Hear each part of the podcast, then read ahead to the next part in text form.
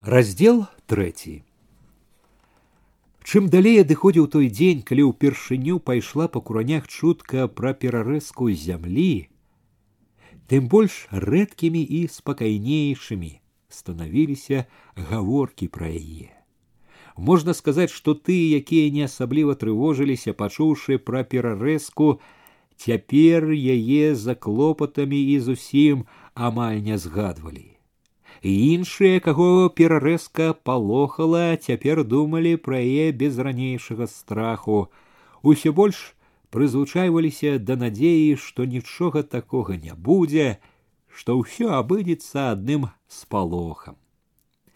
Як нядобры напамінак што бяда не мінула даходзілі распораз міканоравы і іншых калгаснікаў размовы што перадзел або як міканор казаў землеўпарадкаванне рана ці позна будзе абавязкова. Тады трывога зноў находзіла на многія куранёўскія двары, нанова ўздымала прыціхлыя ўжо гаворкі пра зямлю, пра справядлівасць, пра меканоравы падкопы. Але праходзіў дзень, другі, і ўсе цвярдзей пераконвалі, супакойвалі адзін аднаго, што меканор проста страшыць, каб ахвотні ішлі ў калгас, што меканору таксама не ўсё можна.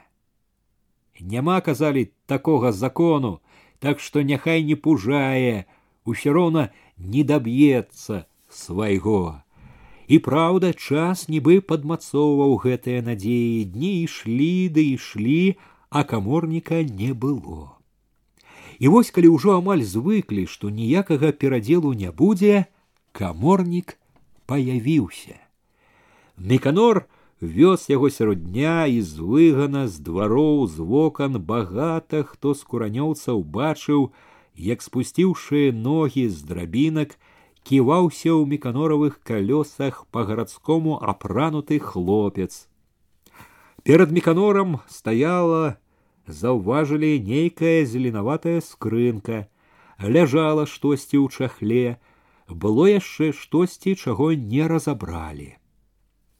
Але і без таго ўсім было відаць, на калёсах везлі нейкае важнае абсталяванне. Значыцца, чалавек ехаў на важную справу. Усім было хутка вядома, што меканор прывёз чалавека на свой двор, што ўсё абсталяванне памог занесці ў сваю хату, што чалавек і застаўся ў меканоравай хаце, будзе мабыць там жыць яшчэ да таго як меканор сказаў каго прывёз па куранях пайшло здагадлівая каморніка прывезлі рэзаць землю будуць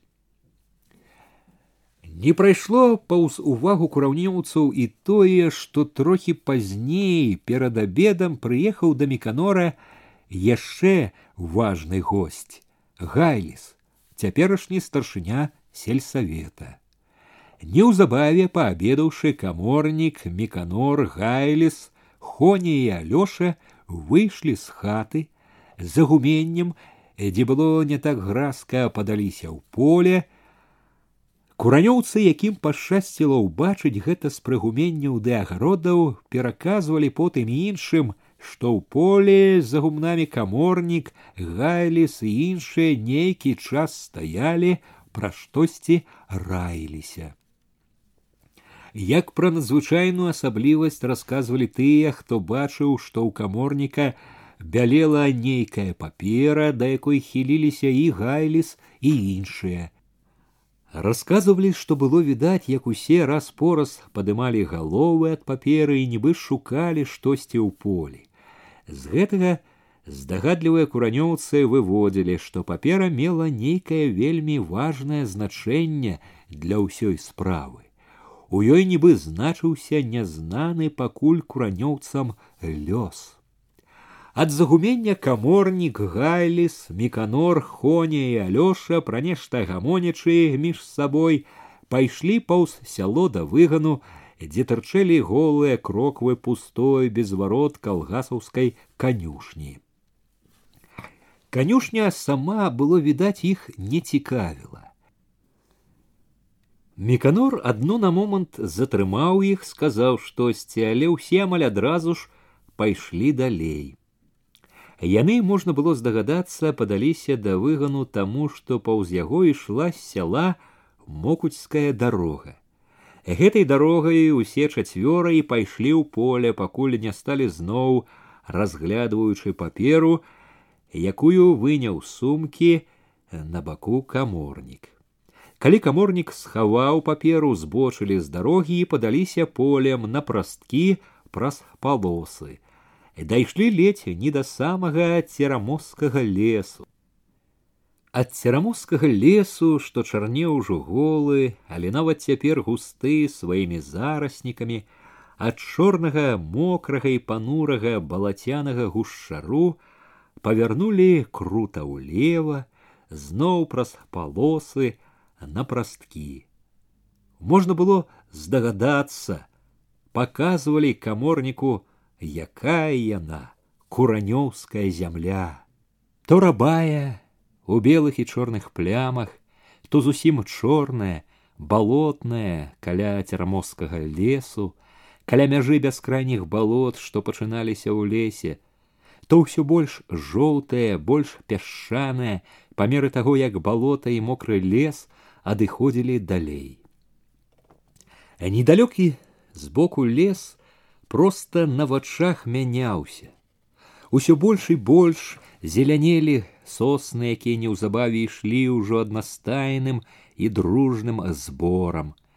І проста на вачах мянялася і поле. Ці даўно было рабое з жоўтымі плямамі, а вось ужо адзін буравата-жоўты прыбіты асеннімі дажджамі россып. Неахвотна рэдка бярэцца трава, па пожні відаць, якая няшчодрая тут і зямля. Пожня рэдкая, сцяблінкі тонкія, кволыя, чэзлыя. Каляіны дарогі, што ідзе тут у сасняк, на луху мокуць, глыбокія і сыпучыя, поўныя пяску, травы абапал мала, і кволая, дарога ўся голая, сумная. Ад мокуцкай дарогі да міхалёўскай дарогі на міхалі самыя бедныя палі, пясок і пясок, толькі за міхалёўскай дарогай поле мяняецца. Пясок прападае, пачынаецца зямля, калі не вельмі шодрая, то хоць такая, якая пры добрым доглядзе, добрым гнаі і пры добрым надвор'і аддзячыць, пракарміць можа. Тут каморнікі ўсе, хто былі з ім, таксама стаялі, разглядывалі паперу план зямельных абшараў куранёў. Звяралі з тым, што бачылі сваімі вачыма. З аднаго боку быў блізка лес, і цяпер ужо найбольш бярозавы, самы прыгожы ў куранях лес. З другога недалёка віднеліся цёмныя гарбатыя куранёўскія гумны, платы, там сям раскіданыя дрэвы, вузкія, цесныя ахвяраваў цярплівым куранёўцам абшары ўсё магутны усявышні. За двума радамі куранёўскіх хат амаль адразу ж пачыналася балота. Нядоўгія агароды па той бок краем сваім улазілі ў чорную гразь. Міканор і калі ішлі полем і калі стаялі, аглядвалі поле, расказваў каморніку і гайлісу, дзе чые надзелы, як родзіць зямля жыта, проса, авёс. Часам ён гаварыў пра таго ці іншага куранёўца, што за чалавек, як жыве, багата ці бедна, якім духам дыхае. Велікаваты, сутулаваты, ён ступаў шырока і дужа, і на рабым пакляваным воспаю твары, у дробных шэрых вачах под рэдкімі, ледзь прыкметнымі брывамі быў выраз рашучасці і цвёрдасці. Ён часта аглядваў поле і аглядваў не бесклапотна, сабрана, увесь час разважаючы, сам сабе вымяркоўваючы. Часам ён гаварыў і каморніку і гайлісу, дзе каму адвесці зямлі, які надзел, загадзя як бы папярэджваў, каб не было выпадковасці, несправядлівасці да некаторых бяднейшых. Ён між іншых прыгадаў і глушака, і нібыта ігната і пракопа і рашуча заявіў, што гэтых трэба падрэзаць. Даволі ўжо сказаў, параскошаваліся яны на багатай зямлі, якую нахапалі праўдаю і няпраўдаю. Сказаў ён, што і Васіля дзятла пасадзіць на месца не шкодзіла б. І калі гайлес запярэчыў, што Васіля нельга крыўдзіць, сказаў, што і гэты па духу падобны да кулацкай нечысці. Ён хмурна пашкадаваў, што мала людзей у калгасе, што і на той плошчы, якую адвядуць, не вельмі разгорнешся. От калі б угаварыць хоць бы паўсяла, ды адвесці пад калгасы тое, што каля цагельні і гэтае поле. Ён глядзеў на гэтае поле, нібы меркаваў ужо, што б можна было тут зрабіць, калі б яно было калгаснае. У тым, як ён глядзеў, што казаў, адчувалася, што ён поўны нецярплівага разумення важнасці моманту, што ён без меры давольны, што момант гэты нарэшце наступіў, што ён проста прагне дзейнічаць і што дзейнічаць гатоў смела і рашуча. Гайліс, драбнаваты побач з меканорам стройны ў перацягнутым папругаю шынялі у зеленаватай фуражцы ўвесь нейкі акуратны прамы таксама аглядваў поле і як было відаць па твары са зграбнымі строгімі рысамі з блакітнымі яснымі вачыма таксама меркаваў пра важныя перамены якія неўзабаве павінны быць і ў якіх багата што будзе залежыць ад яго Было відаць, што ён таксама разумее важнасць гэтага моманту. Недарма ж звычайна сухаваты, дзелавіты, ён трымаўся тут проста такі строга. Як бы выглядам сваім паводзінамі паказваў, што ён не дапусціць ніякага самага дробнага адыходу ад закону, па ўсіх правілах выканае абавязак, які належыць зрабіць яму на яго пасту. Стрыманы ён гаварыў вельмі мала, і кожнае слово яго было дакладным і кароткім. Можа быць, ад гэтай яго строгасці і хоня і алёша ішлі сур'ёзна, гаварылі толькі важнае, як бы таксама паказваючы, што і яны ведаюць, за што бяруцца і гатовы памагчы, як толькі здолеюць.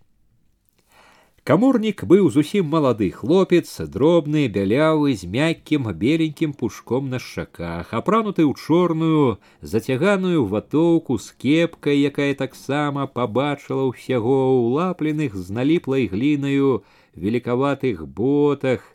Ён трымаўся на дзіва стала, упэўнена. Было відаць, што гэты хлопец звык быць сярод людзей, сярод незнаёмых і сярод начальства.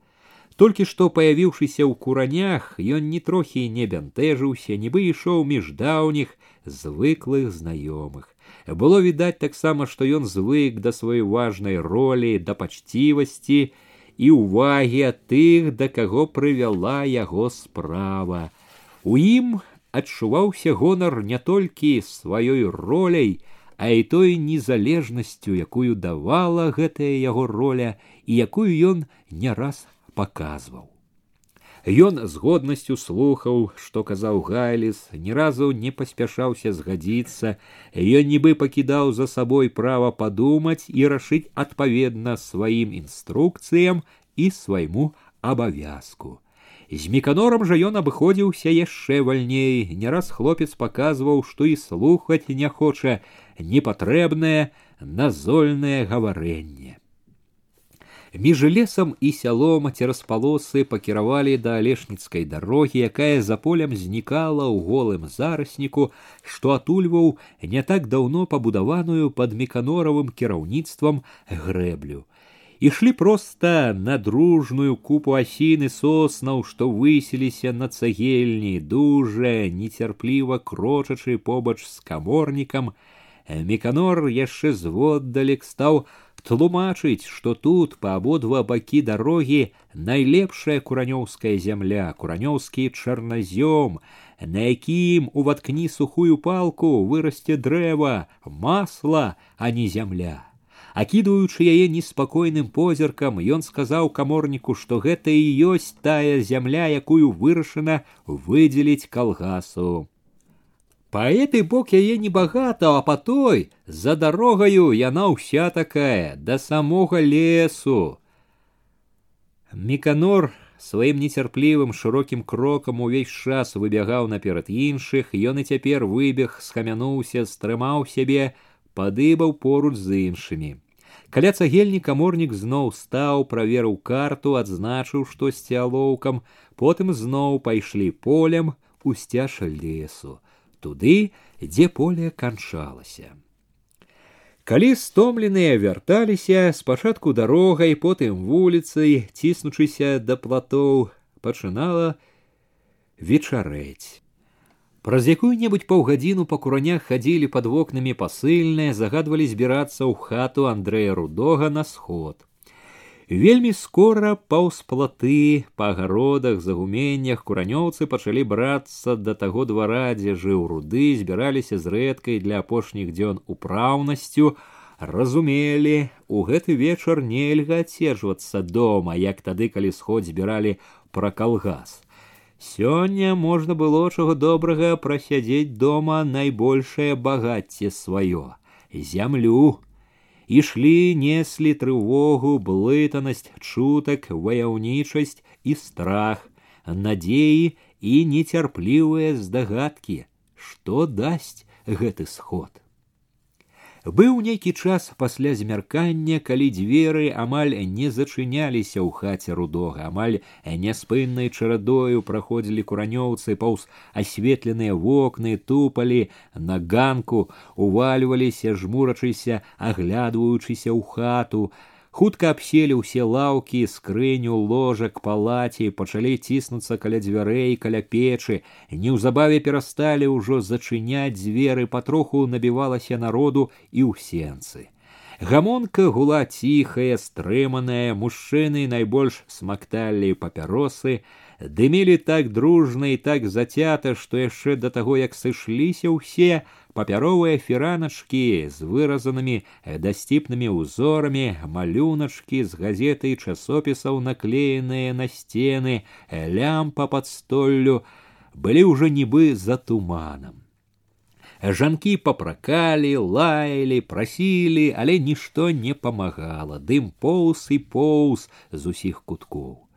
Як заўсёды большасць жанок трымаліся кубкамі, у цэнтры адной з іх былі сарока і чарнушкава куліна, якая горача махала рукамі, штосьці даказвала, нечым абуралася. Сарока і слухала і гаварыла спакойна, раз пораз нецярпліва паглядваючы, што робіцца між іншых сярод мужчын. Каля скрыні на віду і блізка ад стала мірна гаварыў штосьці меканораву бацьку стары глушак, без шапкі у кажусе. Дамецік было відаць слухаў неахвотна, хацеў адысці, але не адыходзіў і ўсё ж слухаў. Побач са старым, як нейкі страж гарбаціўся затоены, звераваты з выгляду пракоп лясун, з-пад лба, з-пад чарнаты броваў таропіўся кудысьці нязводна. Яўхім стаяў таксама на віду каля камінка, абапёршыся плячом аб печ, нудліва вадзіў позіркам па хаце, час ад часу кідаў одно другое слово дружбаку ларывону, які гаварыў у адказ, ці рагатаў так, што не толькі блізкія аглядваліся на іх.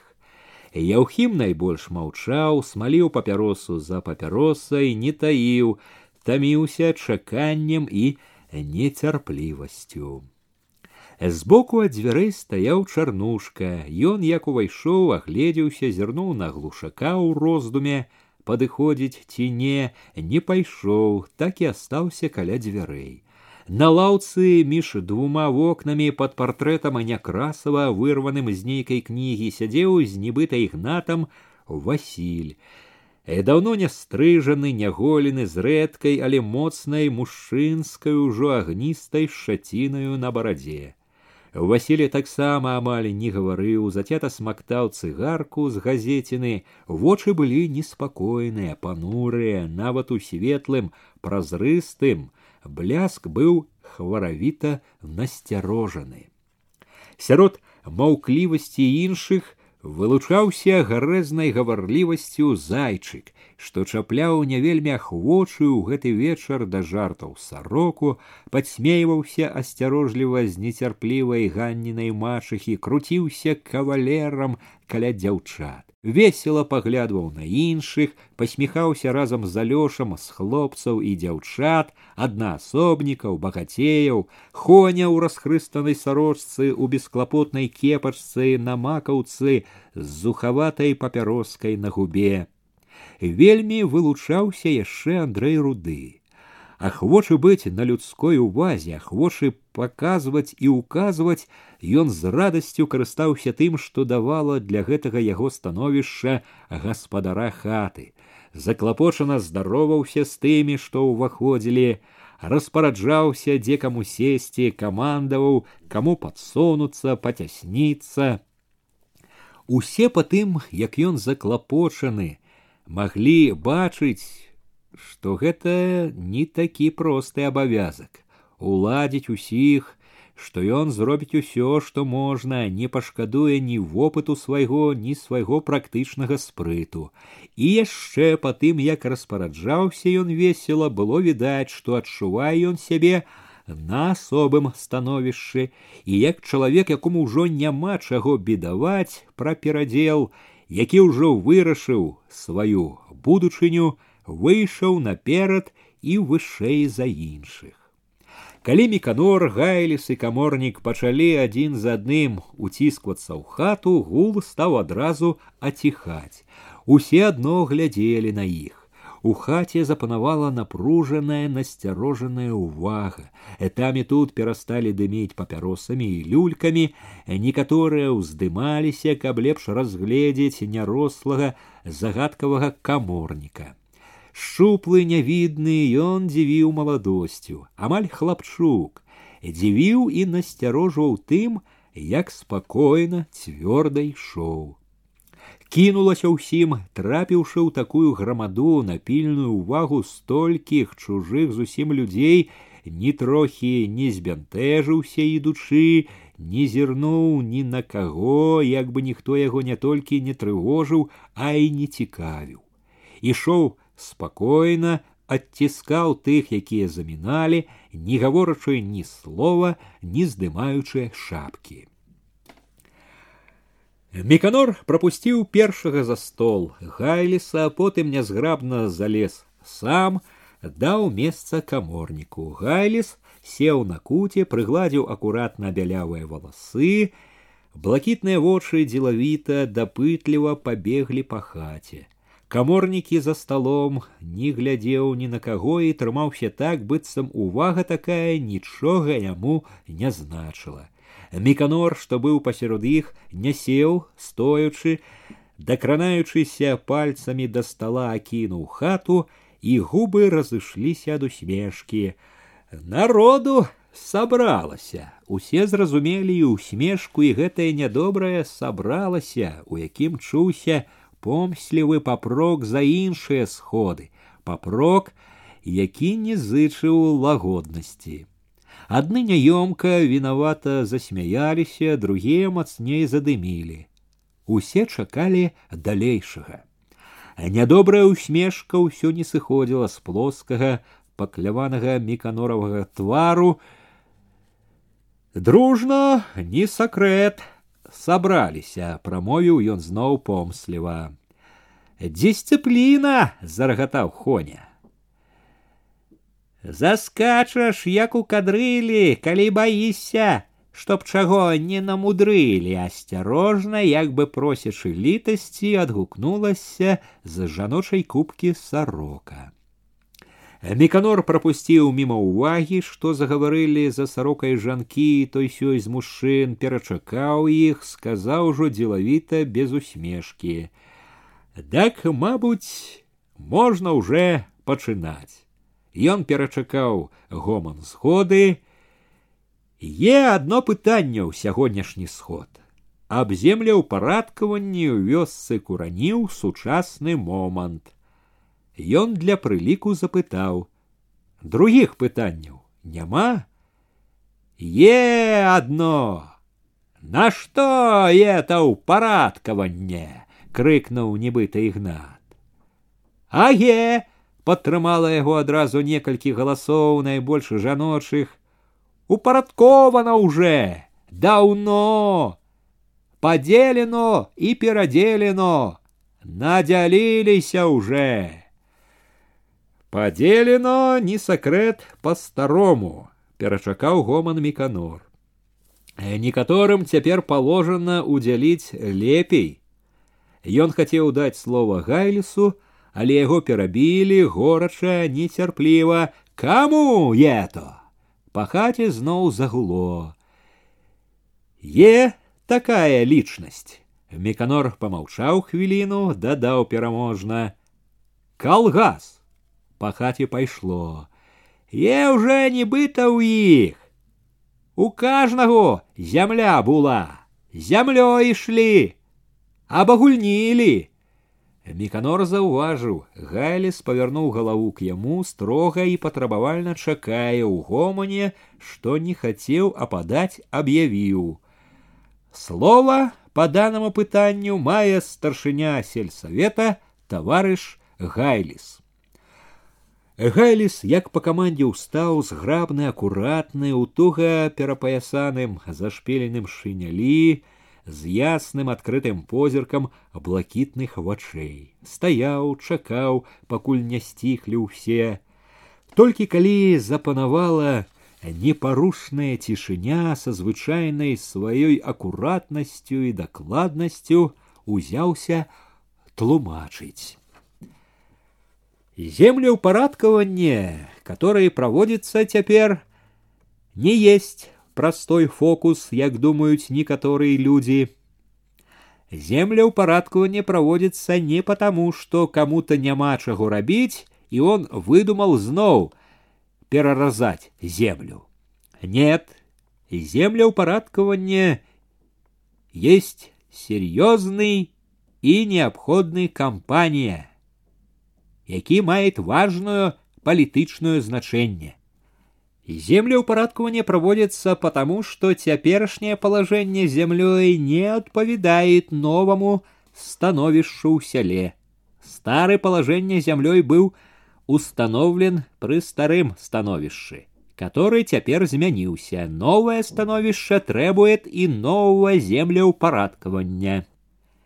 Цяпер на змену аднаасобніцкім гаспадаркам прыйшоў калектыўная гаспадарка калгас. На змену мужыцкім палоскам павінна прыйсці шырокае калгаснае поле. Калгас будзе работаць на трактарах, селках, жнейках, яму неабходна шырокае поле. На вузкіх палосках калгас работаць не может. Это землеупорядкование и повинно дать колгасам широкое поле, простор для техники, для счастливой и культурной жизни. Это мае важное значение для всего села и для всего народа, потому что у этом одиная дорога мужика к культурной жизни. Потому что колгас повинен показать усім, як трэба ісці по этой дорозе. Адразу за гэтым гайлі спавёў гаворку ў практычным кірунку, сказаў, што для землеўпарадкавання сельсаветы і партячэйка стварылі камісію, што камісіяй будзе ўсім кіраваць. Ён апярэдзіў гоман, расшпіліў шынеля на грудях, дастаў акуратна складзеную паперку, пачаў чытаць, з каго складаецца камісія. Людзі пільна слухалі, ён чытаў выразна, стараючыся вымаўляць як найлепш, прыпыняючыся пасля кожнага прозвішча, былі ў камісіі гайліс, міканор, хоня, чарнушка, грыбок.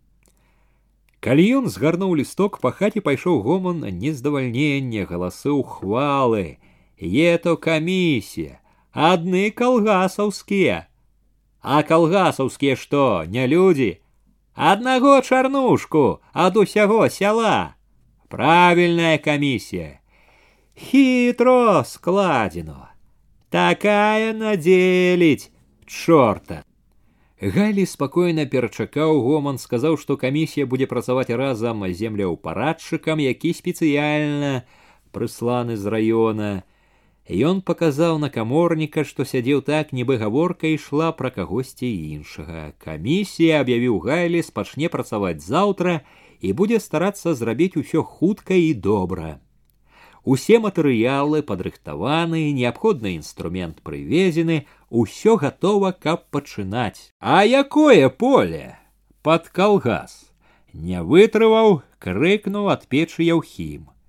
Яўхіма падтрымаў дружны нецярплівы гоман, чулася, што гэта найбольш хвалюе многіх у хаце. Зараз скажу, Гайліс мімаволі зірнуў той бок, адкуль крыкнулі, папракнуў нецярплівага: « Не надо спешить паперад бацьку, усяму свой чарга. Гледзячы ўжо на іншых, сказаў сяброўскай адкрытасцю, мы это пытанне думали. Для калгас будзе адведзена поле, которое называется Піліпаў рог. Аге! вырвалася адразу ў кагосьці жанчыны, едкая, нястрымная. У момант хата загула, завіравала бязладнымі гарачымі галасамі.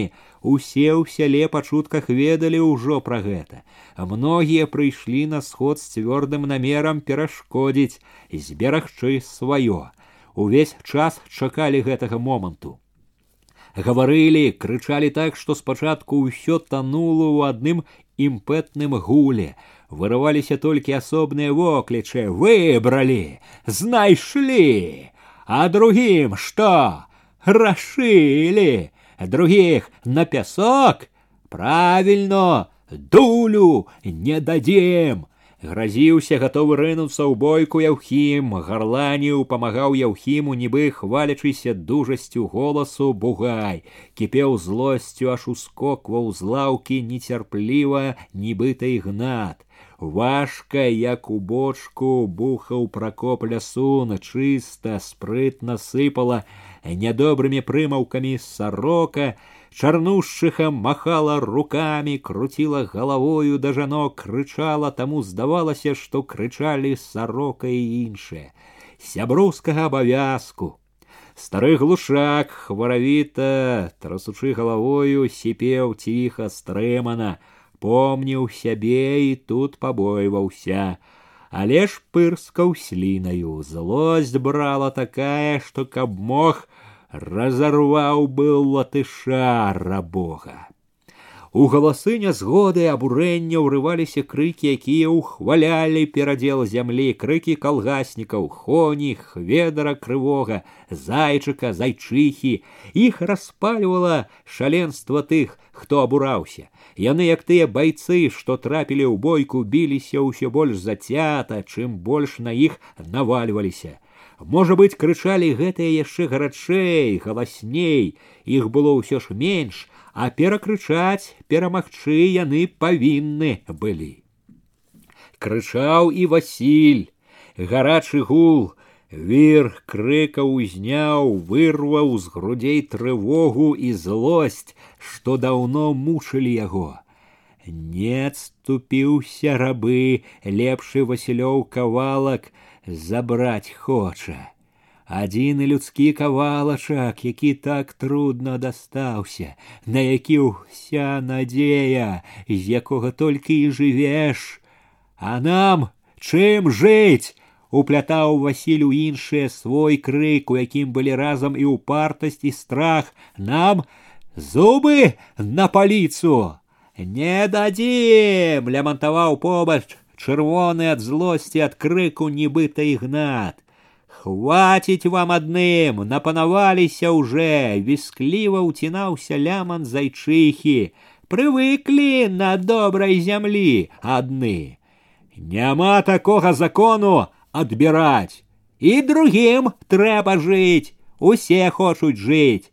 Пажылі ўжо. Ідзіце ў калгас, дакі ў вас будзе, добрая зямля прабіўся звонкі хоніў голас. Яму адказаў хтосьці ў злым запале уйдзіце з вашым калгасам. Дак не разяўляйцеся, молчите, не будем, не пустим, судиться будем, не отдадим.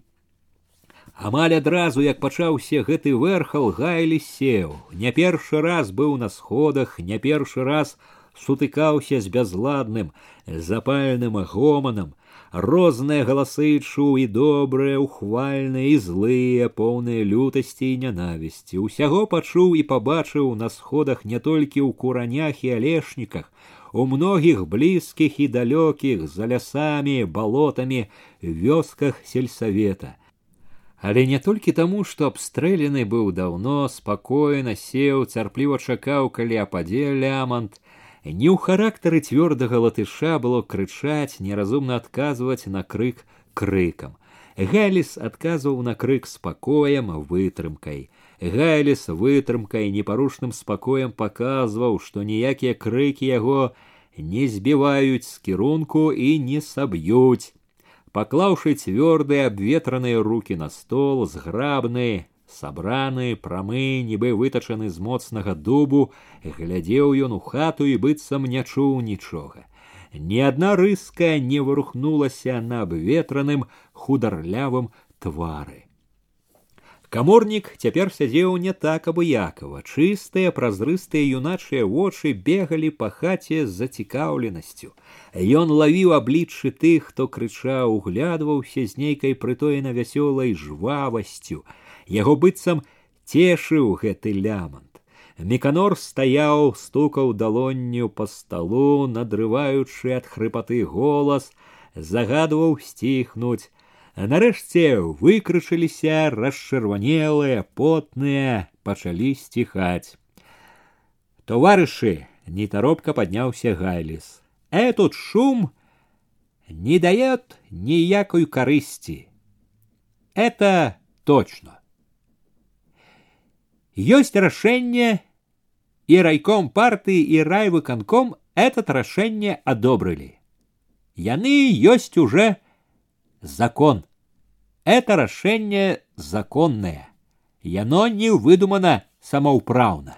Яно принято на основании решения урада, чтоб выделять кожному колгасу один и поле.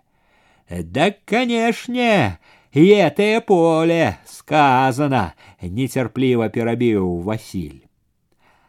Согласно указаниям урада, колгасам рекомендуется выделять лепшую землю.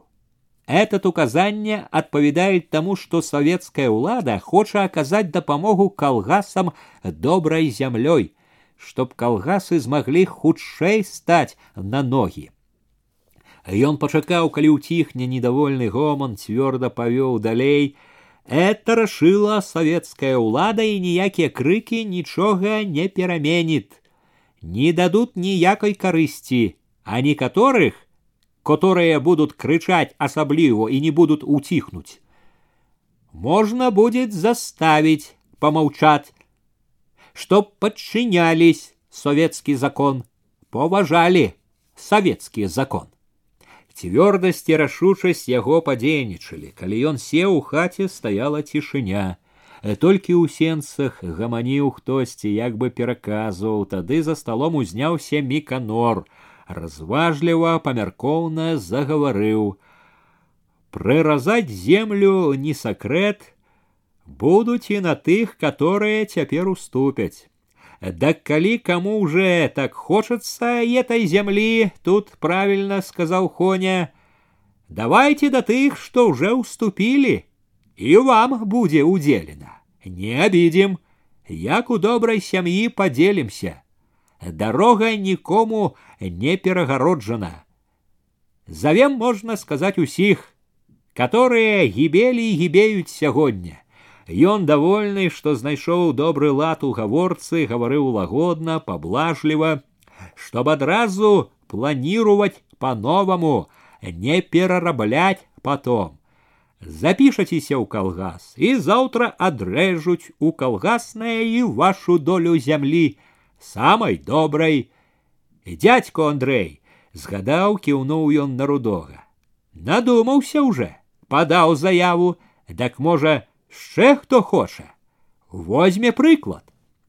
Ён трохі горбячыся, як заўсёды нібы неякавеючы за тое, што такі вялікі грамозны, лагодна акідваў хату з надзеяй чакаў. Ніхто не ўставаў, адводзілі вочы, каб не сустракацца з яго, круцілі папяросы, дымілі. Хтосьці з жанок крыкнуў, што не пра гэта, не пра калгас гаворка. Меканор у вачавіткі мяняўся, паблажлівасць знікала, пакляваны амаль бязбровы твар шарэў, стражэў. Не хочаце.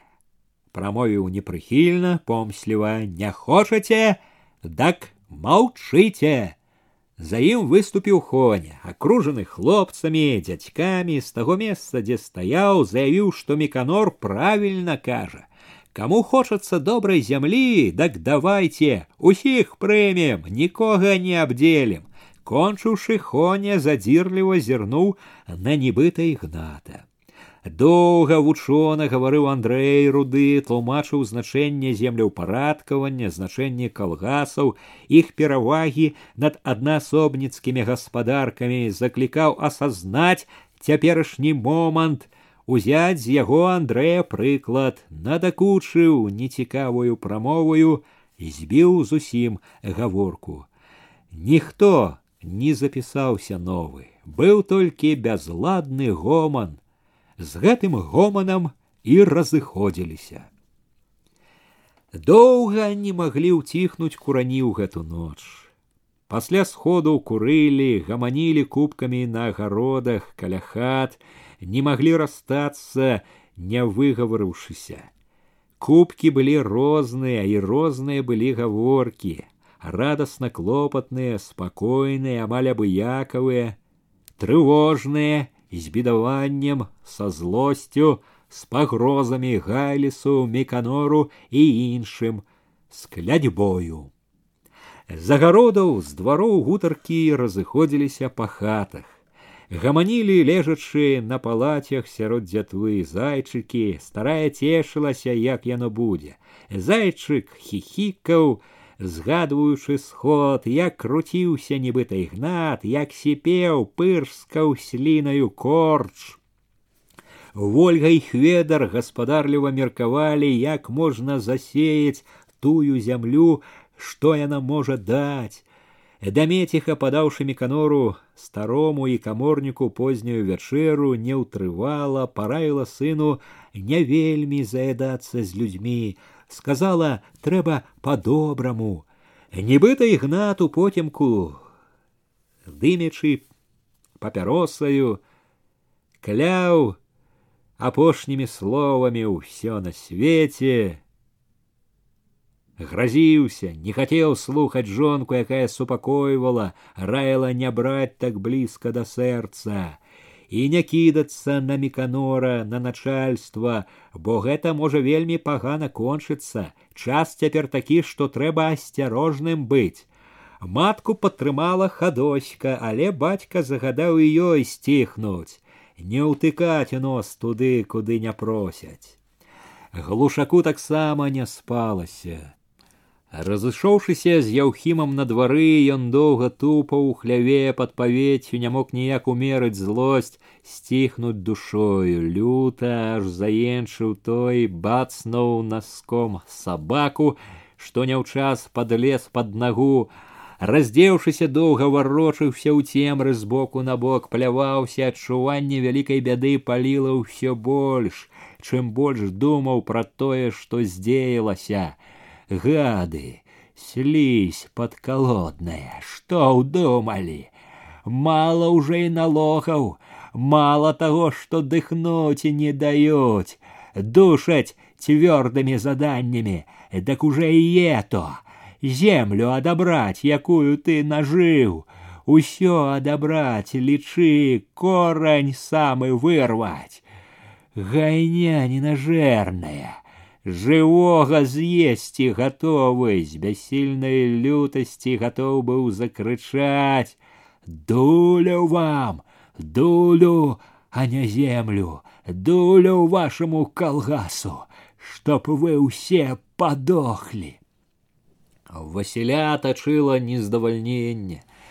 Яно шчымела, калі разышоўся з нібыта ігнатам, які лаяў і сябе і яго Васіля, што маўчалі на сходзе, не ўсталі і не сказалі, як трэба. Ігнат растрывожыў Васіля яшчэ і тым, што заявіў заўтра ён так сабе не саступіць, як бы там гайлісцемі канорчык не гразіліся як саступаць так раз за разам нядоўга зусім без нічога астацца. Успамін пра гэта паліў Васіля, што чуў, як кашляе на печы дзед, як дражліва храпе тоўстая калода маня, якой клопату ніякага да таго, што яму баліць.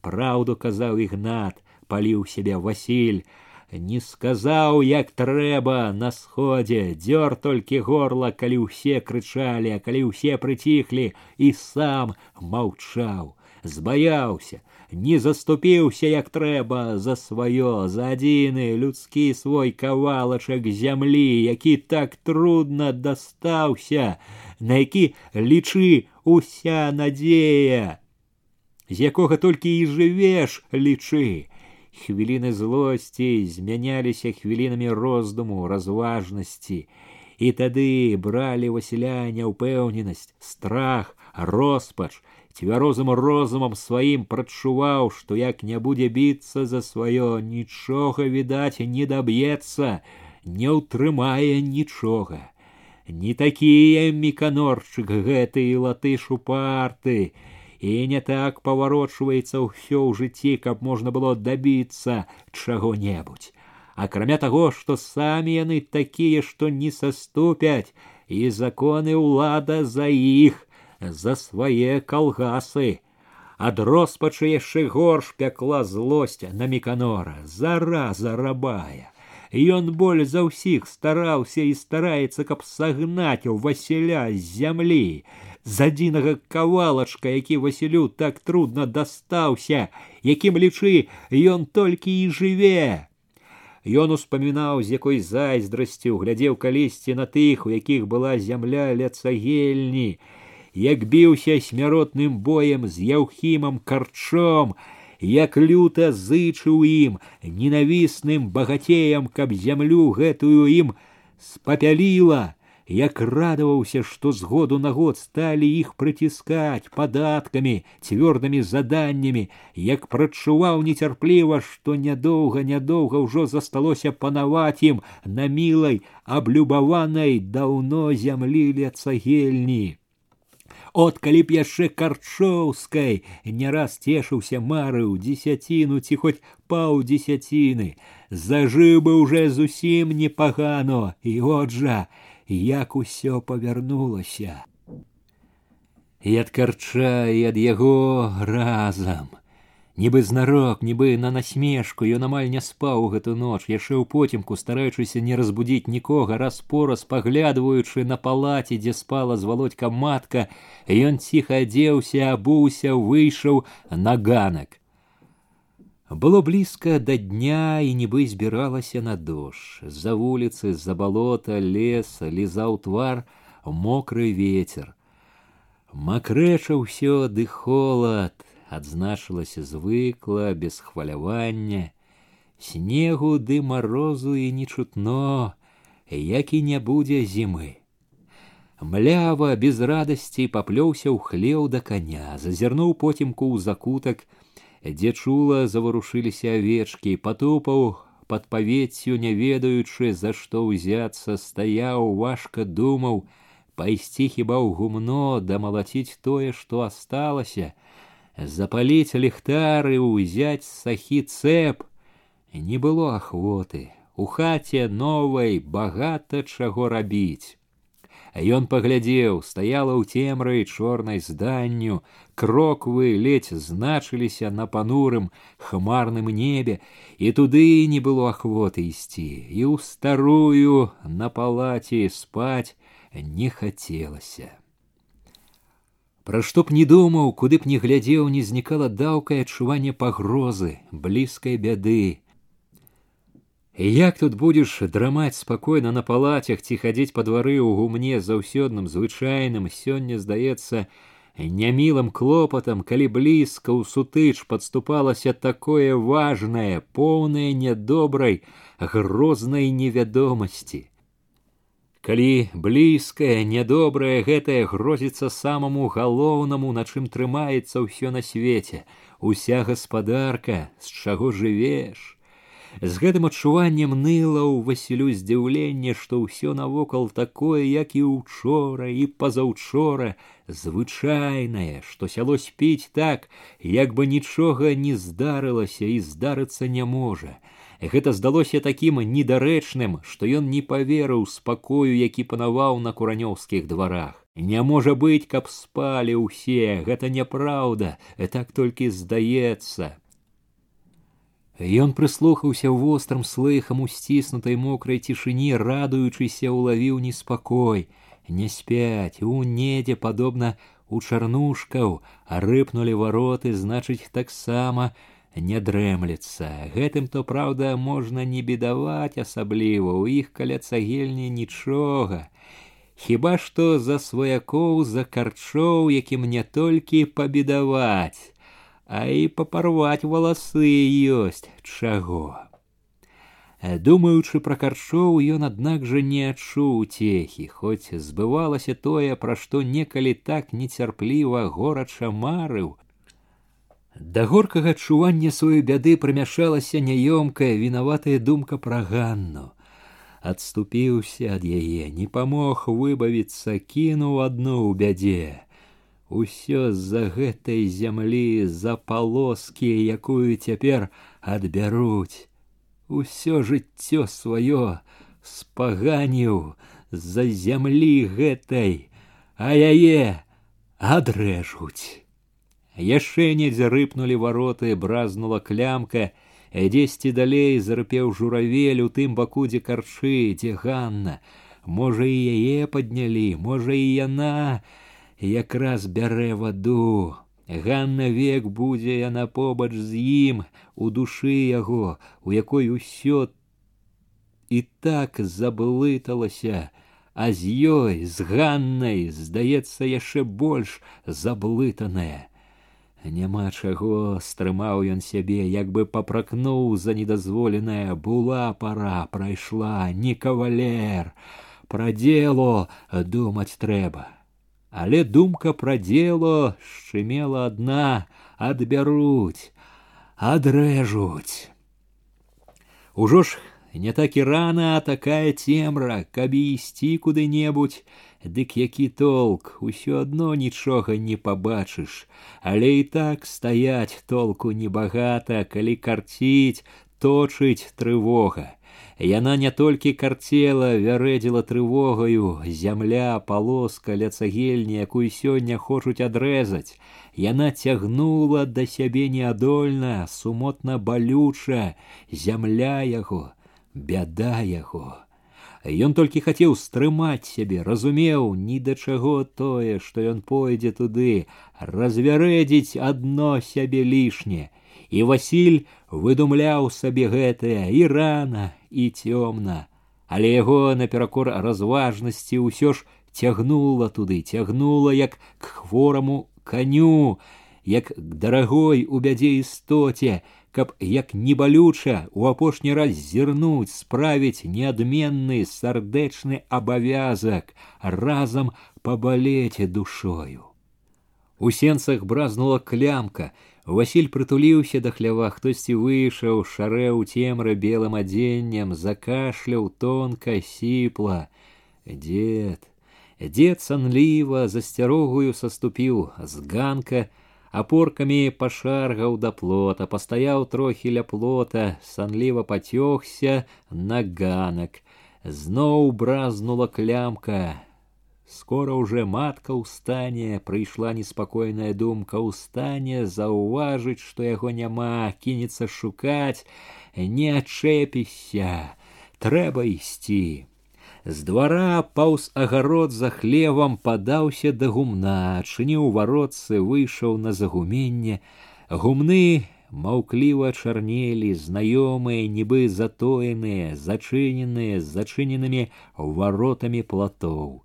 Нідзе не было чуваць цэпа. Вось яно таксама ціхае і чорнае чарнушкава гумно ганніна гумно каля якога яны калісьці не раз стаялі удваіх абняўшыся тут гумно а там грушы цёмныя грушы што зычылі калісьці радасць ганна ганна за чарнушкавым гумном ужо роўная разлегласць поле У полі здалося трохі святлей, дарога шарэла больш відна, Ён не ўглядаўся ў дарогу, яму не трэба было ўглядацца, каб і нічога не было відаць, каб сляпы быў, ён ішоў бы не запыняючыся.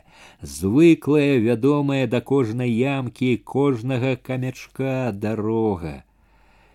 Колькі разоў хадзіў ён тут і ў ранні ў дзень і вось так на досвідку хадзіў у летнюю спёку і ў лютую сцюжу, чапляючыся босымі нагамі за траву і грузнучы лапцямі ў гурбах снегу.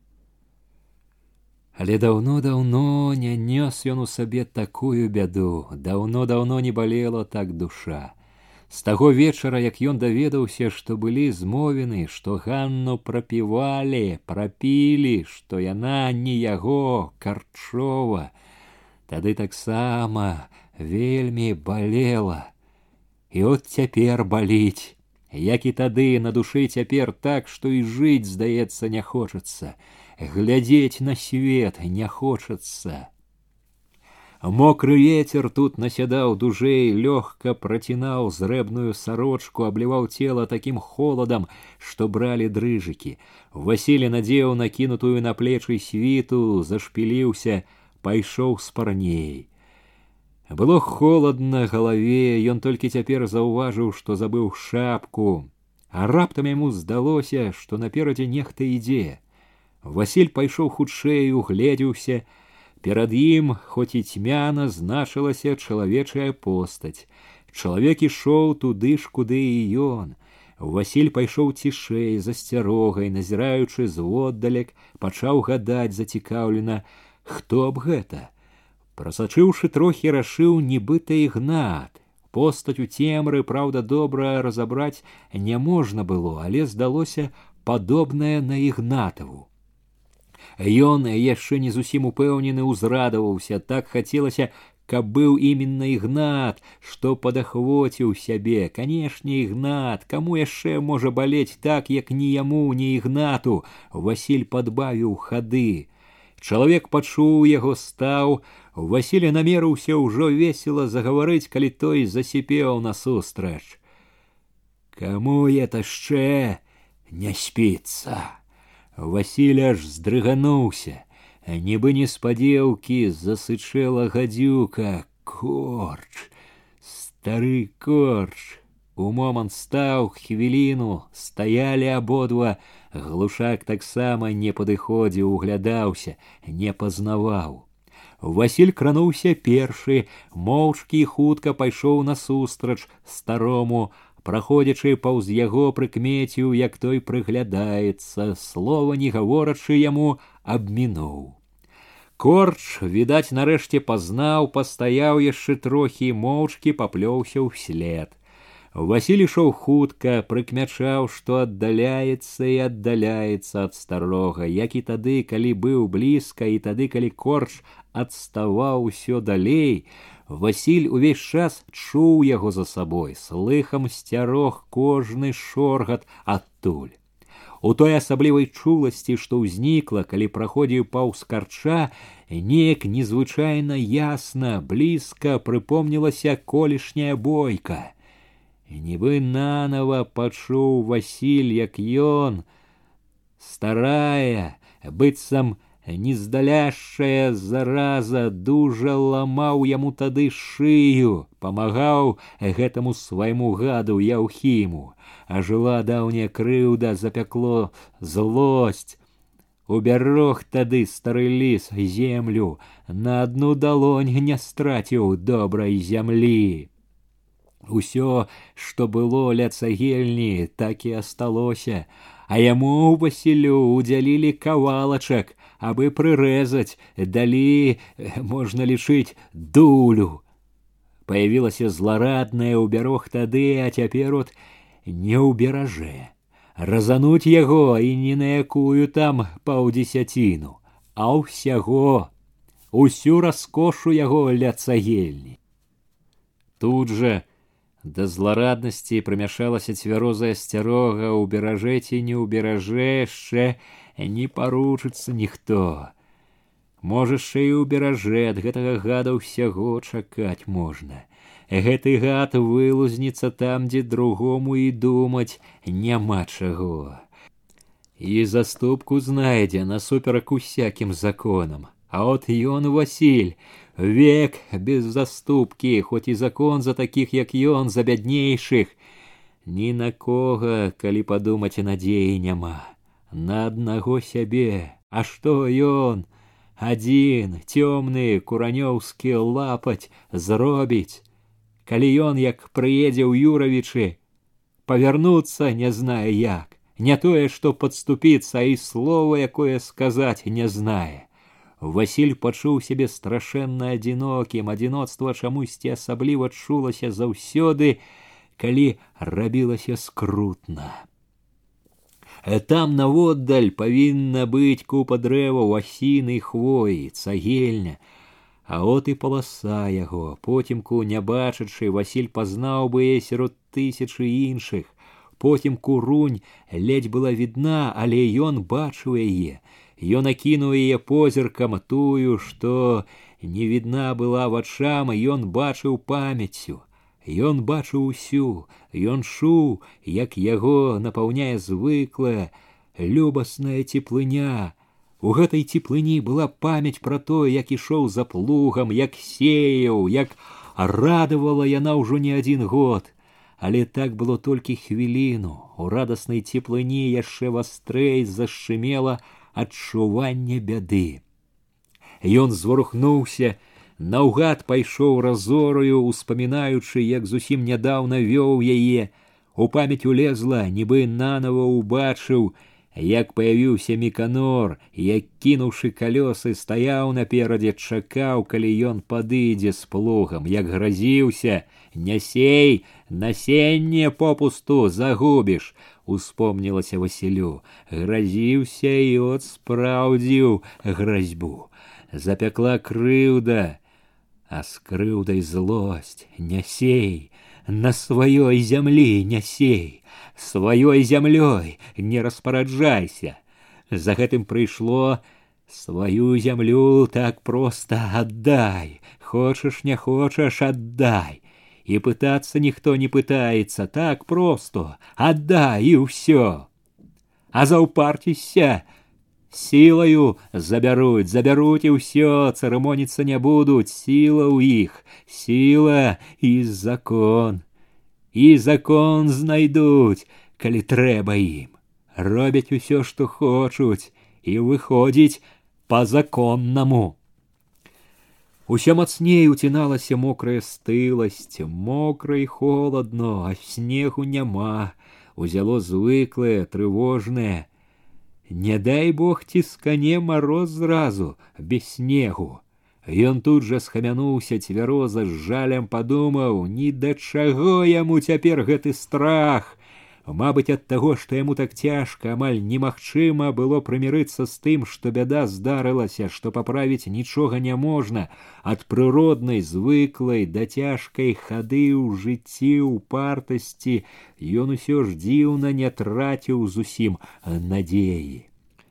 Зацятая немагчымая надзея яшчэ не рвалася ў ім як танюсенькая жывучая нітачка. Яна гэтая надзея падказала яму Трэба было гаварыць, што пасеяно уже, што жыта уже расце. Не павінна ж быць такога, чтоб пасеянае браць. Трэба было б дабіцца, чтоб абышлі цяпер, а там, можа, так бы уже і асталося, дабіцца б, чтоб цяпер абышлі, потом, канешне, не сталі павяртацца. трэба было гаварыць пасеяно. Ён раптам зазлаваў сам на сябе. Пасеяна, не пасеяна, будуць яны глядзець на это. Не адзінакі ім чорт, што пасеяна, што не пасеяна. Шкода ім твайго насення, твайго труда. Прыйшло на памяць, як стаяў тут, глядзеў на гэту рунь, калі думаў, як быць з ганнаю, тады, пакуль рашыў, думаў, бедаваў, гэта рунь, зямля гэтая памагла тады рашыцца, і от на табе паспадзяваўся, збярог грунт под сабою. Жыццё як бы смяецца з яго, А мо і праўда кінуць усё, прападзі яно пропадам. Вярнулася раптам зноў да Васіля, кінуць ды з ганнай, куды вочы глядзяць. Нейкі час ён чуў сябе рашуча і лёгка, нібы раптам парвалася тое, што аблытвала, нібы скінулася тое, што гняло, што пякло яго, раптам зноў пачуў сябе вольна, шчасце, вызваленне ад нягод былі ўжо не тое, што недасяжнай марай быццам рэальнасцю, бяры цесе жаданай сваёй доляй але лёгкасць была яшчэ карацейшая як раней амаль адразу ж звыклая ўжо неадступная заныла апанавала куды ён пойдзе як ён кіне ўсё што трымае яго для чаго ён абавязаны жыць за гэтым яшчэ мацней запякло трывожнае што ж яно будзе з этой зямлёю няўжо ж і праўда ўсё кончано У трохі парадзелым змроку Васіль заўважыў, што да яго ідзе постаць. Калі чалавек падышоў бліжэй, пазнаў ігнат. У свіце у чорнай барановай шапцы. Не ўседзеў, нібыто, загаварыў хапаючыся давольна. Забег я то да цябе пытаюся матку дзе, кажа, пайшоў кудысь. Шчэ як спалі ўсе, кажа, я і падумаў, Куды это пойдзе добрый хозяину такі дзень і сюды арашыў. Василь хмурно промаўчаў. Не аддаваць трэба. Так жа хутка, але з запалам загаварыў ігнат, адгадаўшы Васілёў неспакой, не аддаваць, на полосу не допускать.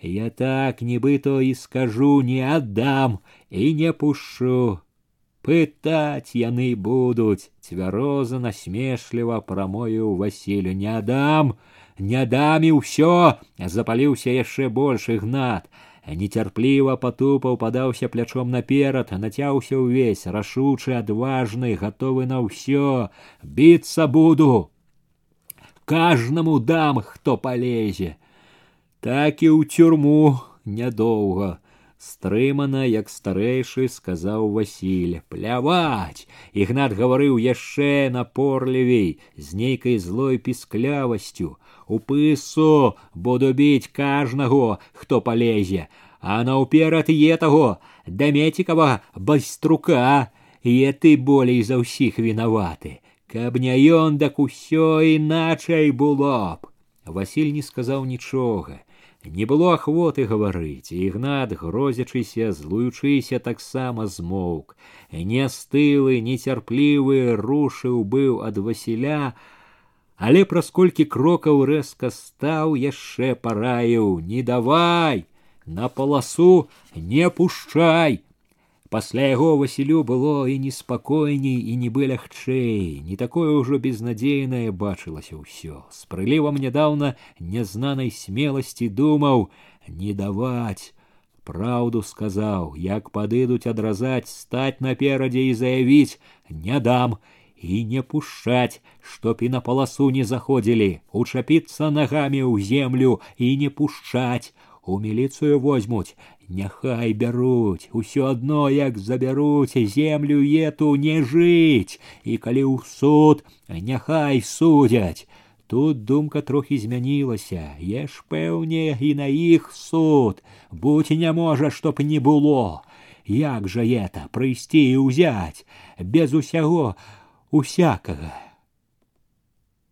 Зноў прыйшло як апошняе канчатковае не дам хай хоць што паволі святлела усё шырэй расступалася поле ўсё далей таншэй акрэсліваўся лес была ўжо добра відаць груганічая постаць старога глушака прыкра нагадывала бой з яўхімам ганніну бяду абуджала назалелае адчуванне безнадзейнай заблытанасці жыцця.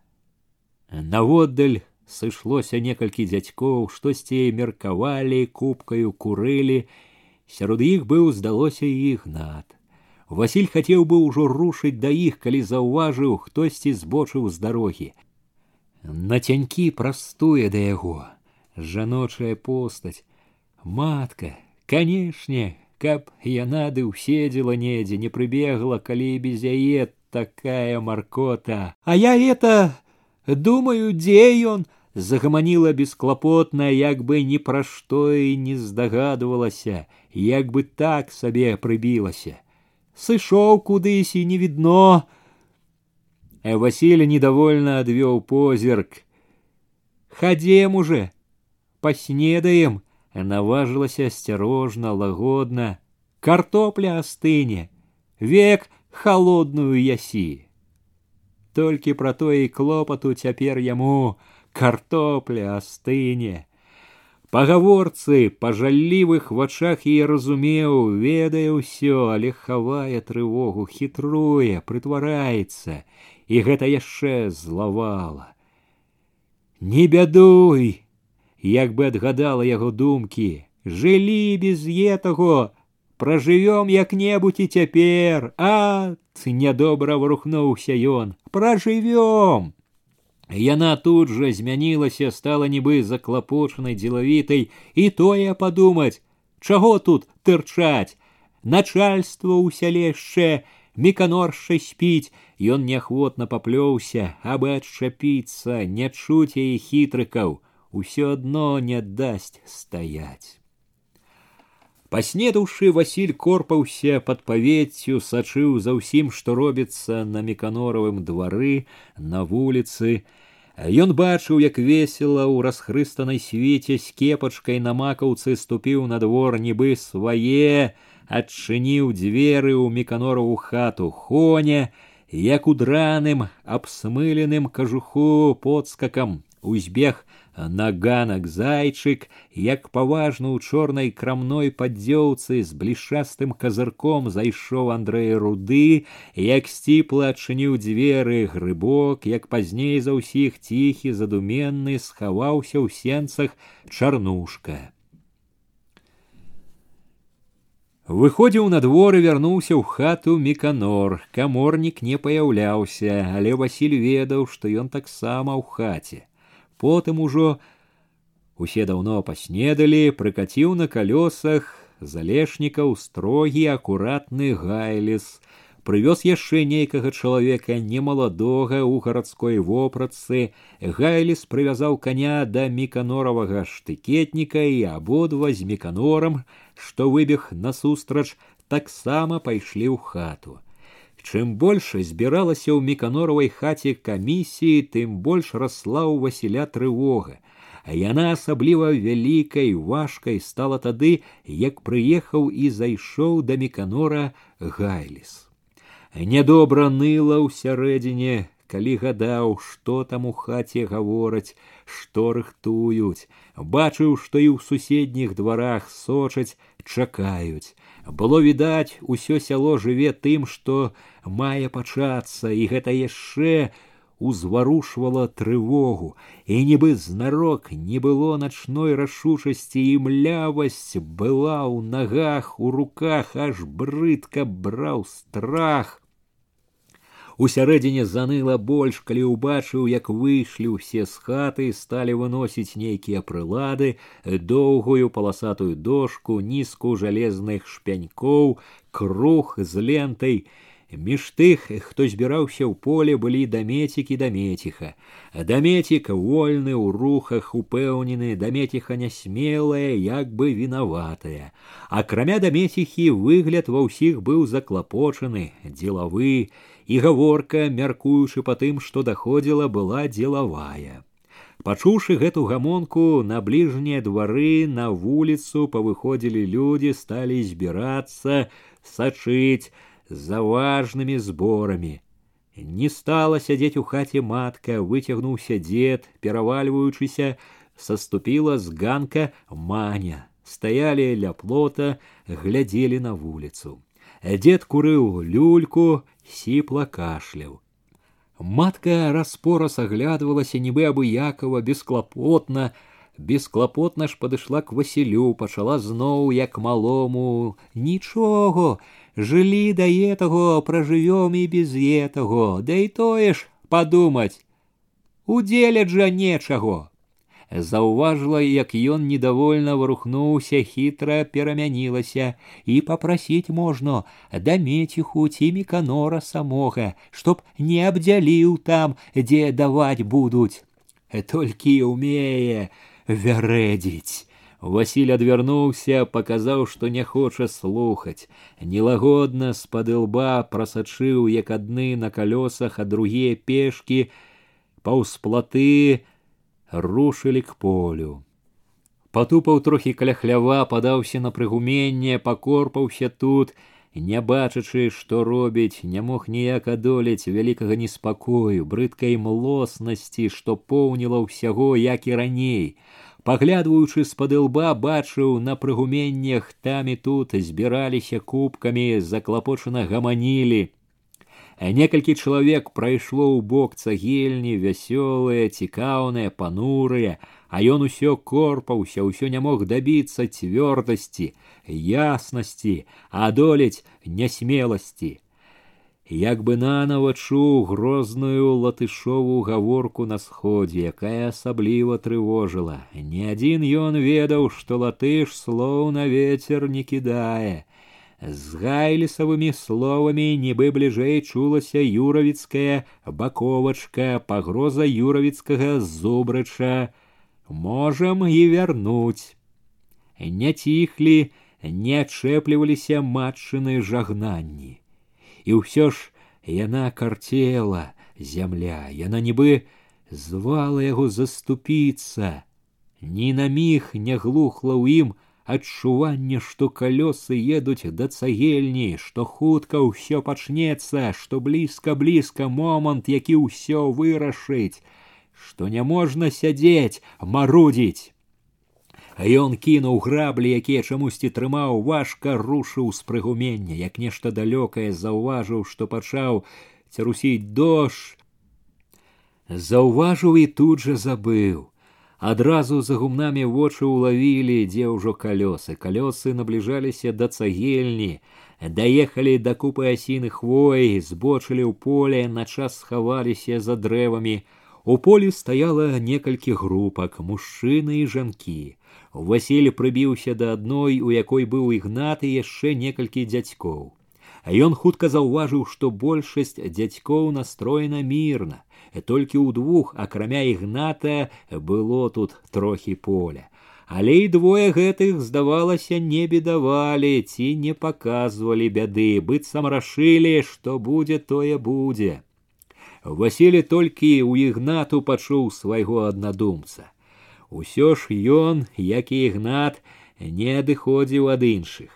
Дзіўна, нават для гэтай групкі было неяк спакайней, цвярдзей, ціха ўвайшло кволае, а можа і праўда саступіць. Што будзе, тое будзе, але ён адагнаў гэту думку бачылі як у самым кутку поля за цагельняй каля лесу калёсы сталі як каморнік стаў корпацца на калёсах а расставіў трыногу прыладзіў нейкую прыладу адзін з дзядзькоў сказаў што там ёсць такі бінокль які паказвае як мераць незнаёмы якога прывёз гайлес пайшоў краем поля паўз лес з доўгай дошкаю Дядька сказаў, што яе завуць рэйкай. Незнаёмы адышоўшы, стаў, паставіў рэйку перад сабой, а каморнік стуліўся каля сваёй прылады, пачаў углядвацца ў бінокль. Яшчэ двое было відаць хоня і грыбок пацягнулі ленту. За імі з нізкай шпянькоў пасунуўся чарнушка. Спыняўся ля хоні, распораз утыкаў шпянькі ў зямлю, латышы меканор то падыходзілі да іх, то найбольш былі каля каморніка. Як пачалі набліжацца да ігнатавага надзелу, ігнат увесь падаўшыся наперад, шаргаючы лаптямі рушыў насустрач ім. Ён перайшоў поле, стаў з таго краю, дзе мералі, мершчыкі былі блізка, але не падступілі зусім. Ён стаяў трохі чакаў. Незнаёмы з паласатай рэйкай на плячы хацеў прайсці паўз яго, але ігнат штосьці крыкнуў і ён стаў, азірнуўся ў бок каморніка. Там ужо складвалі трыногу, палажылі на калёсы і паўз поле пакіравалі да таго, што стаяў з рэйкаю. Не даехалі, спыніліся, сталі зноў расстаўляць трыногу. Хоня і грыбок першыя заўважылі, што ў незнаёмага з рэйкай штосьці няладнае, кінулі мераць, падаліся да яго. Упала гэта на ўвагу і меканору і гайлісу, таксама рушылі да ігната і тых, хто сабраўся каля яго.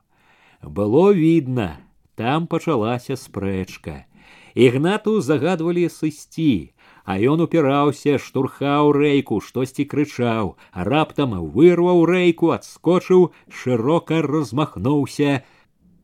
Усе асцярожліва адхінуліся, адступілі зноў загадвалі нешта але ён не слухаўся трымаў рэйку на пагатове тады хоня стаў абыходзіць яго выбраўшы зручны момант кінуўся ззаду стаў валіць рынуліся да ігната іншыя павалілі да іх сталі збірацца дзядзькі жанкі васіль таксама няўпэўнена насцярожана пацягнуўся Да таго, як ён падышоў ігнат стаяў ужо са звязанымі за паясніцай руками.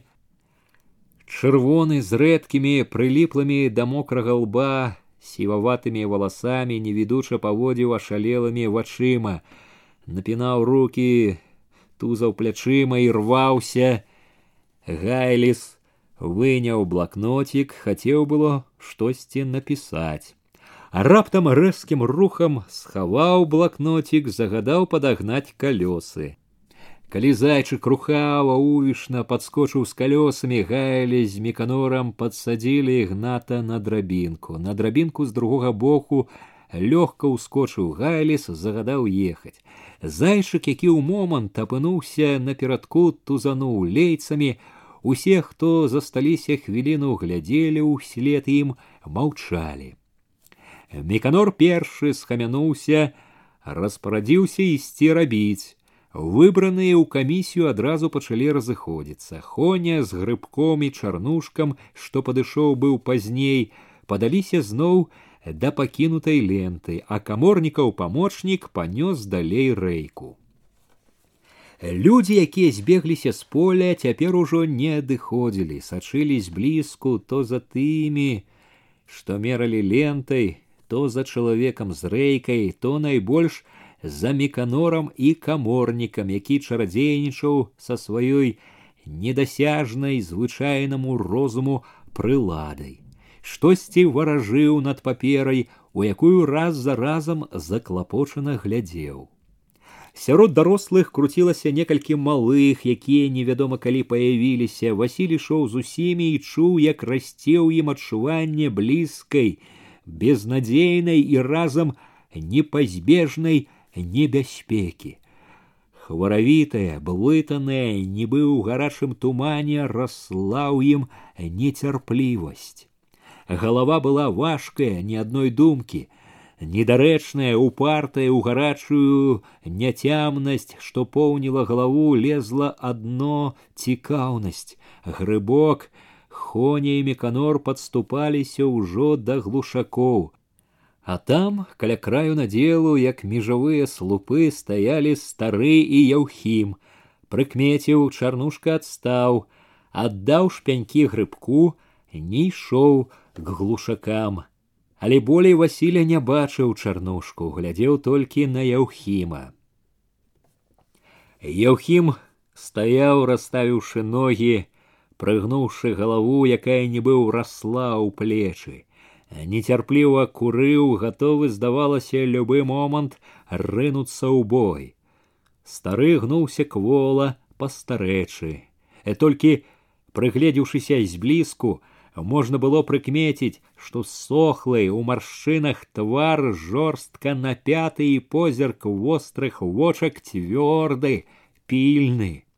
А разам з усімі Васіль падышоў да іх, Яўхім пахапліва, нервова смактануўшы кінуў цыгарку, рашуча ступіў да тых, што мералі адразу ж яму насустрач ступіў міканор сталі адзін перад адным амаль упрытык яўхім галава нібы яшчэ ўрасла ў плечы глядзеў цвёрда грозна позір гэты як бы папярэджваў раю не звязвацца з ім рабы пласкаваты міканораў твар здавалася гатоў быў засмяяцца Меканор быццам хваліўся, што не баіцца. Гэта задзірлівая усмешка было прыкметна ятрыла яўхіма яшчэ момант здавалася ён не стрымаецца люта рыне на меканора але тут акурат у пару трывожна імкліва ступіў да яўхіма стары моцна ўзяў яго руку прамовіў уладна з гневам яўхім той не варухнуўся ў адказ але руку не вырваў. Прыплюшыўшы вочы ўцінаўся ў меканора, злосна мыліў сухімі губамі, не знаходзіў слоў.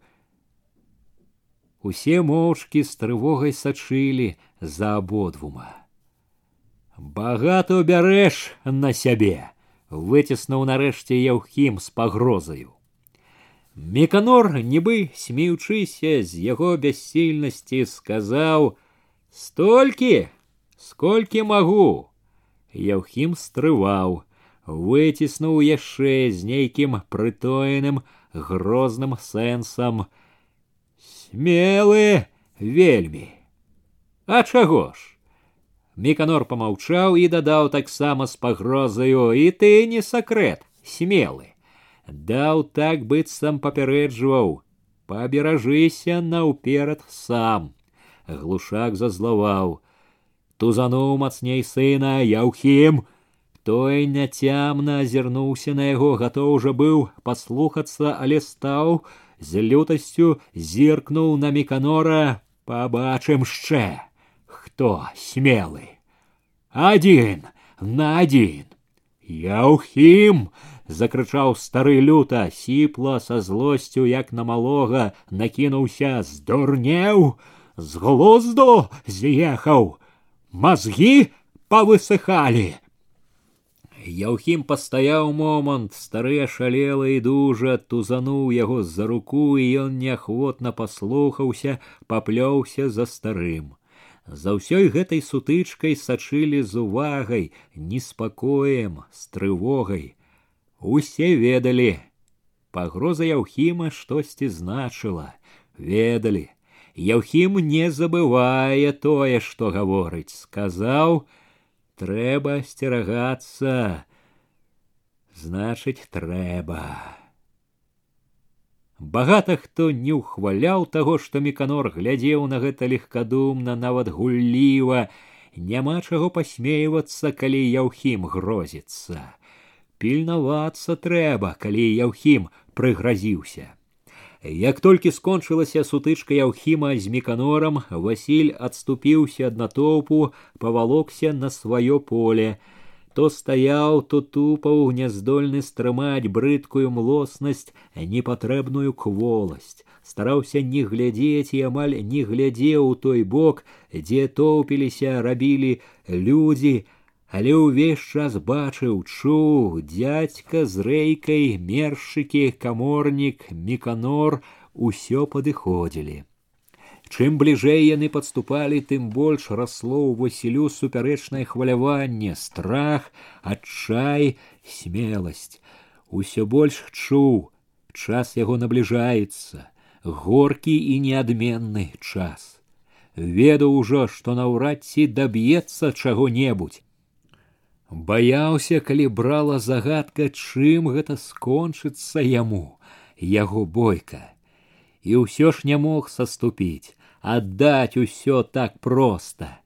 На гэта быў як бы нейкі неадменны загад усяго жыцця, і ён рыхтаваўся, чакаў. Нібы не сваімі нагамі ступіў ён да хоні, што пацягнуў ленту да яго паласы, дрыготкім і хрыпатым голасам выціснуў: тут пасеяно. Усё, брат, и посеянное, и не посеянное одно, сказаў, выпрастаўшыся весела, гледзячы на яго хоня. У голасе яго было нешта дзіўна прыязнае, таварыскае. Васіль заўважыў, як каля іх хутка большае натоўп. Тёткі, дзядзькі, дзеці зларадныя, спачувальныя, проста цікаўныя. Усё, брат Васіль, под один грэбень весело паспачуваў хоня няма такого закону васілёвы губы пакрыўджана дрыжалі чтоб адбіраць ды яшчэ тое што пасеянае не трэба было сеяць са здзеклівай рэзкасцю заявіў меканор пляскаты пакляваны воспаю твар быў нецярплівы і недовольны лезуць тут са ўсякімі выдумкамі затрымліваюць пераможна нагадаў сказано было не сей меканор намерыўся ўжо ісці да каморніка як бы паказваў няма чаго тут гаварыць васіля рэзкасць нячуласць яго ўзлавалі у момант ажыла зацятасць горыч даўняй спрэчкі калі араў адразу знікла кволасць крыўду змяніла злосць упартасць не дам крыкнуў ён не вашае адыдзі ціха і неяк пагардліва сказаў меканор нібы перад ім быў не васіль не гаспадар а казяўка гэта яшчэ дадало упартасці не пайду не аддам адкуль появілася матка Василько!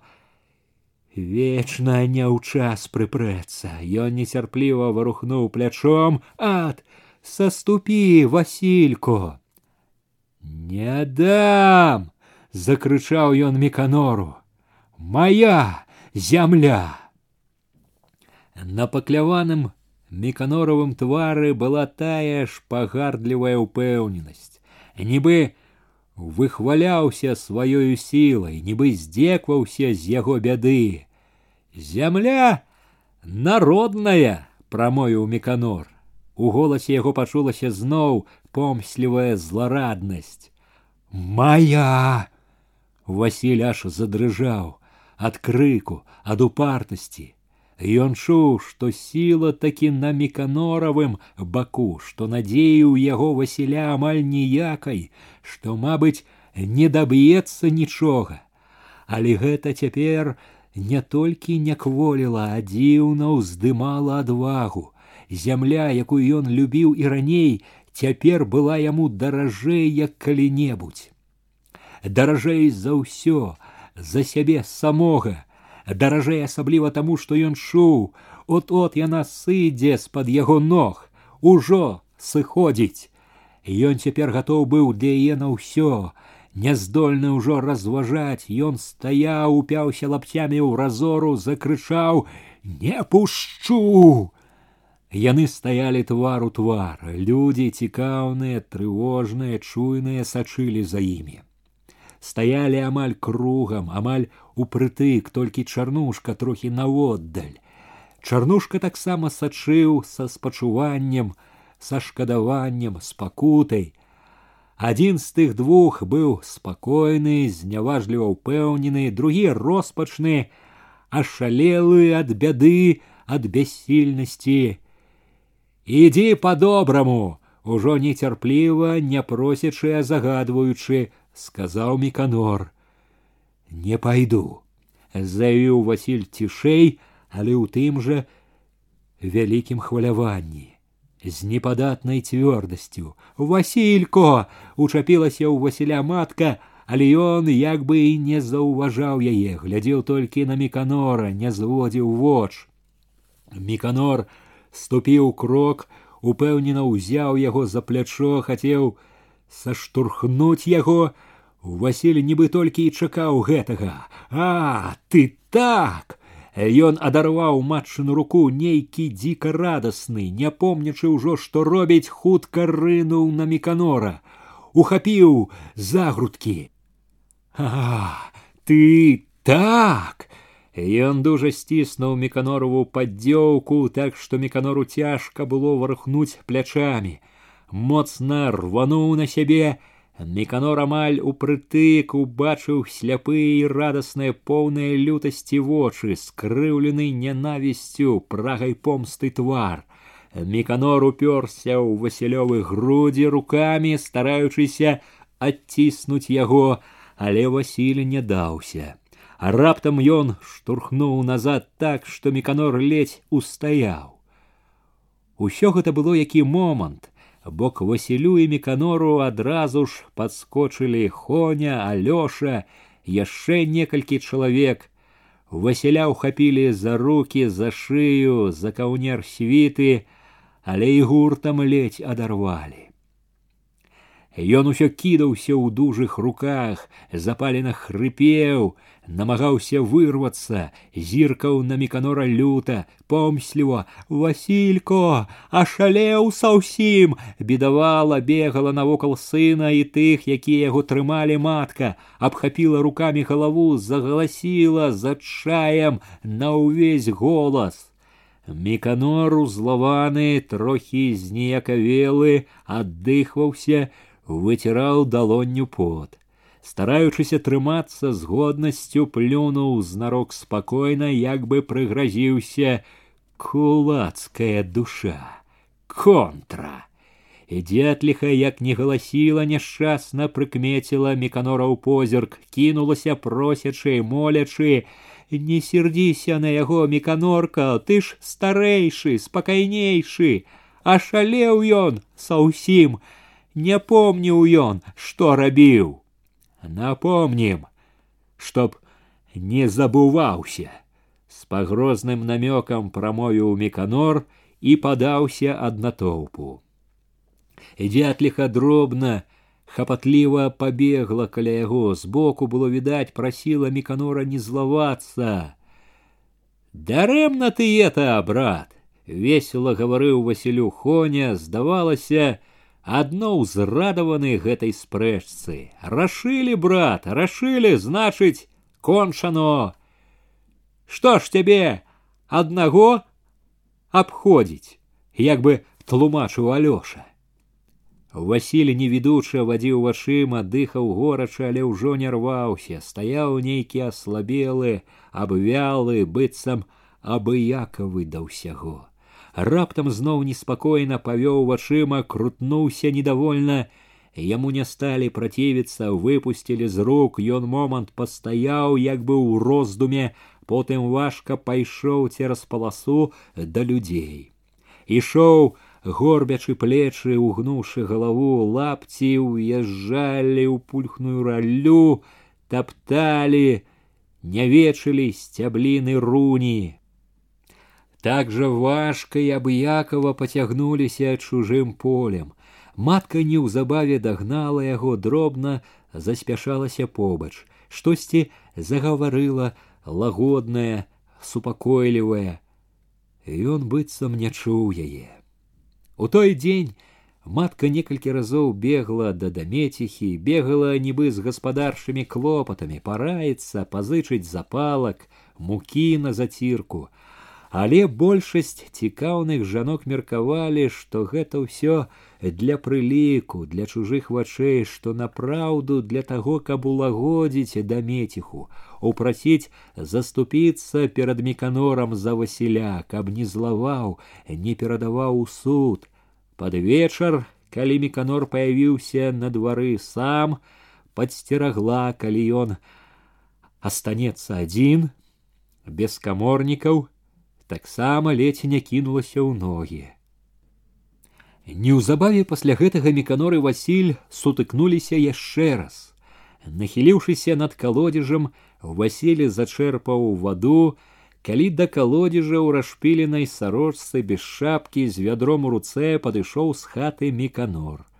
Васіль, заўважыўшы яго, не падымаў вачэй на нейкую хвіліну перастаў нават цягнуць вочап, як бы чакаў чагосьці ці можа думаў што міканор кінецца біцца міканор стаяў нямірны з пагрозай і шкадаваннем прамовіў шкода толькі матку тваю да і деда паважаю васіля нядобра зіркнуў пацягнуў вочап ужо калі зняў вядро заявіў парта я это так не кіну голас яго быў нацяты руки дробна дрыжалі копейку пойду попытаюся ці можна так по савецкаму закону ідзі ідзі меканор упэўнена надзеў вядро на кручок вочапа затрымаўся глянуў на яго толькі б лепей у калгас пайшоў зразу ўсё і рашылася б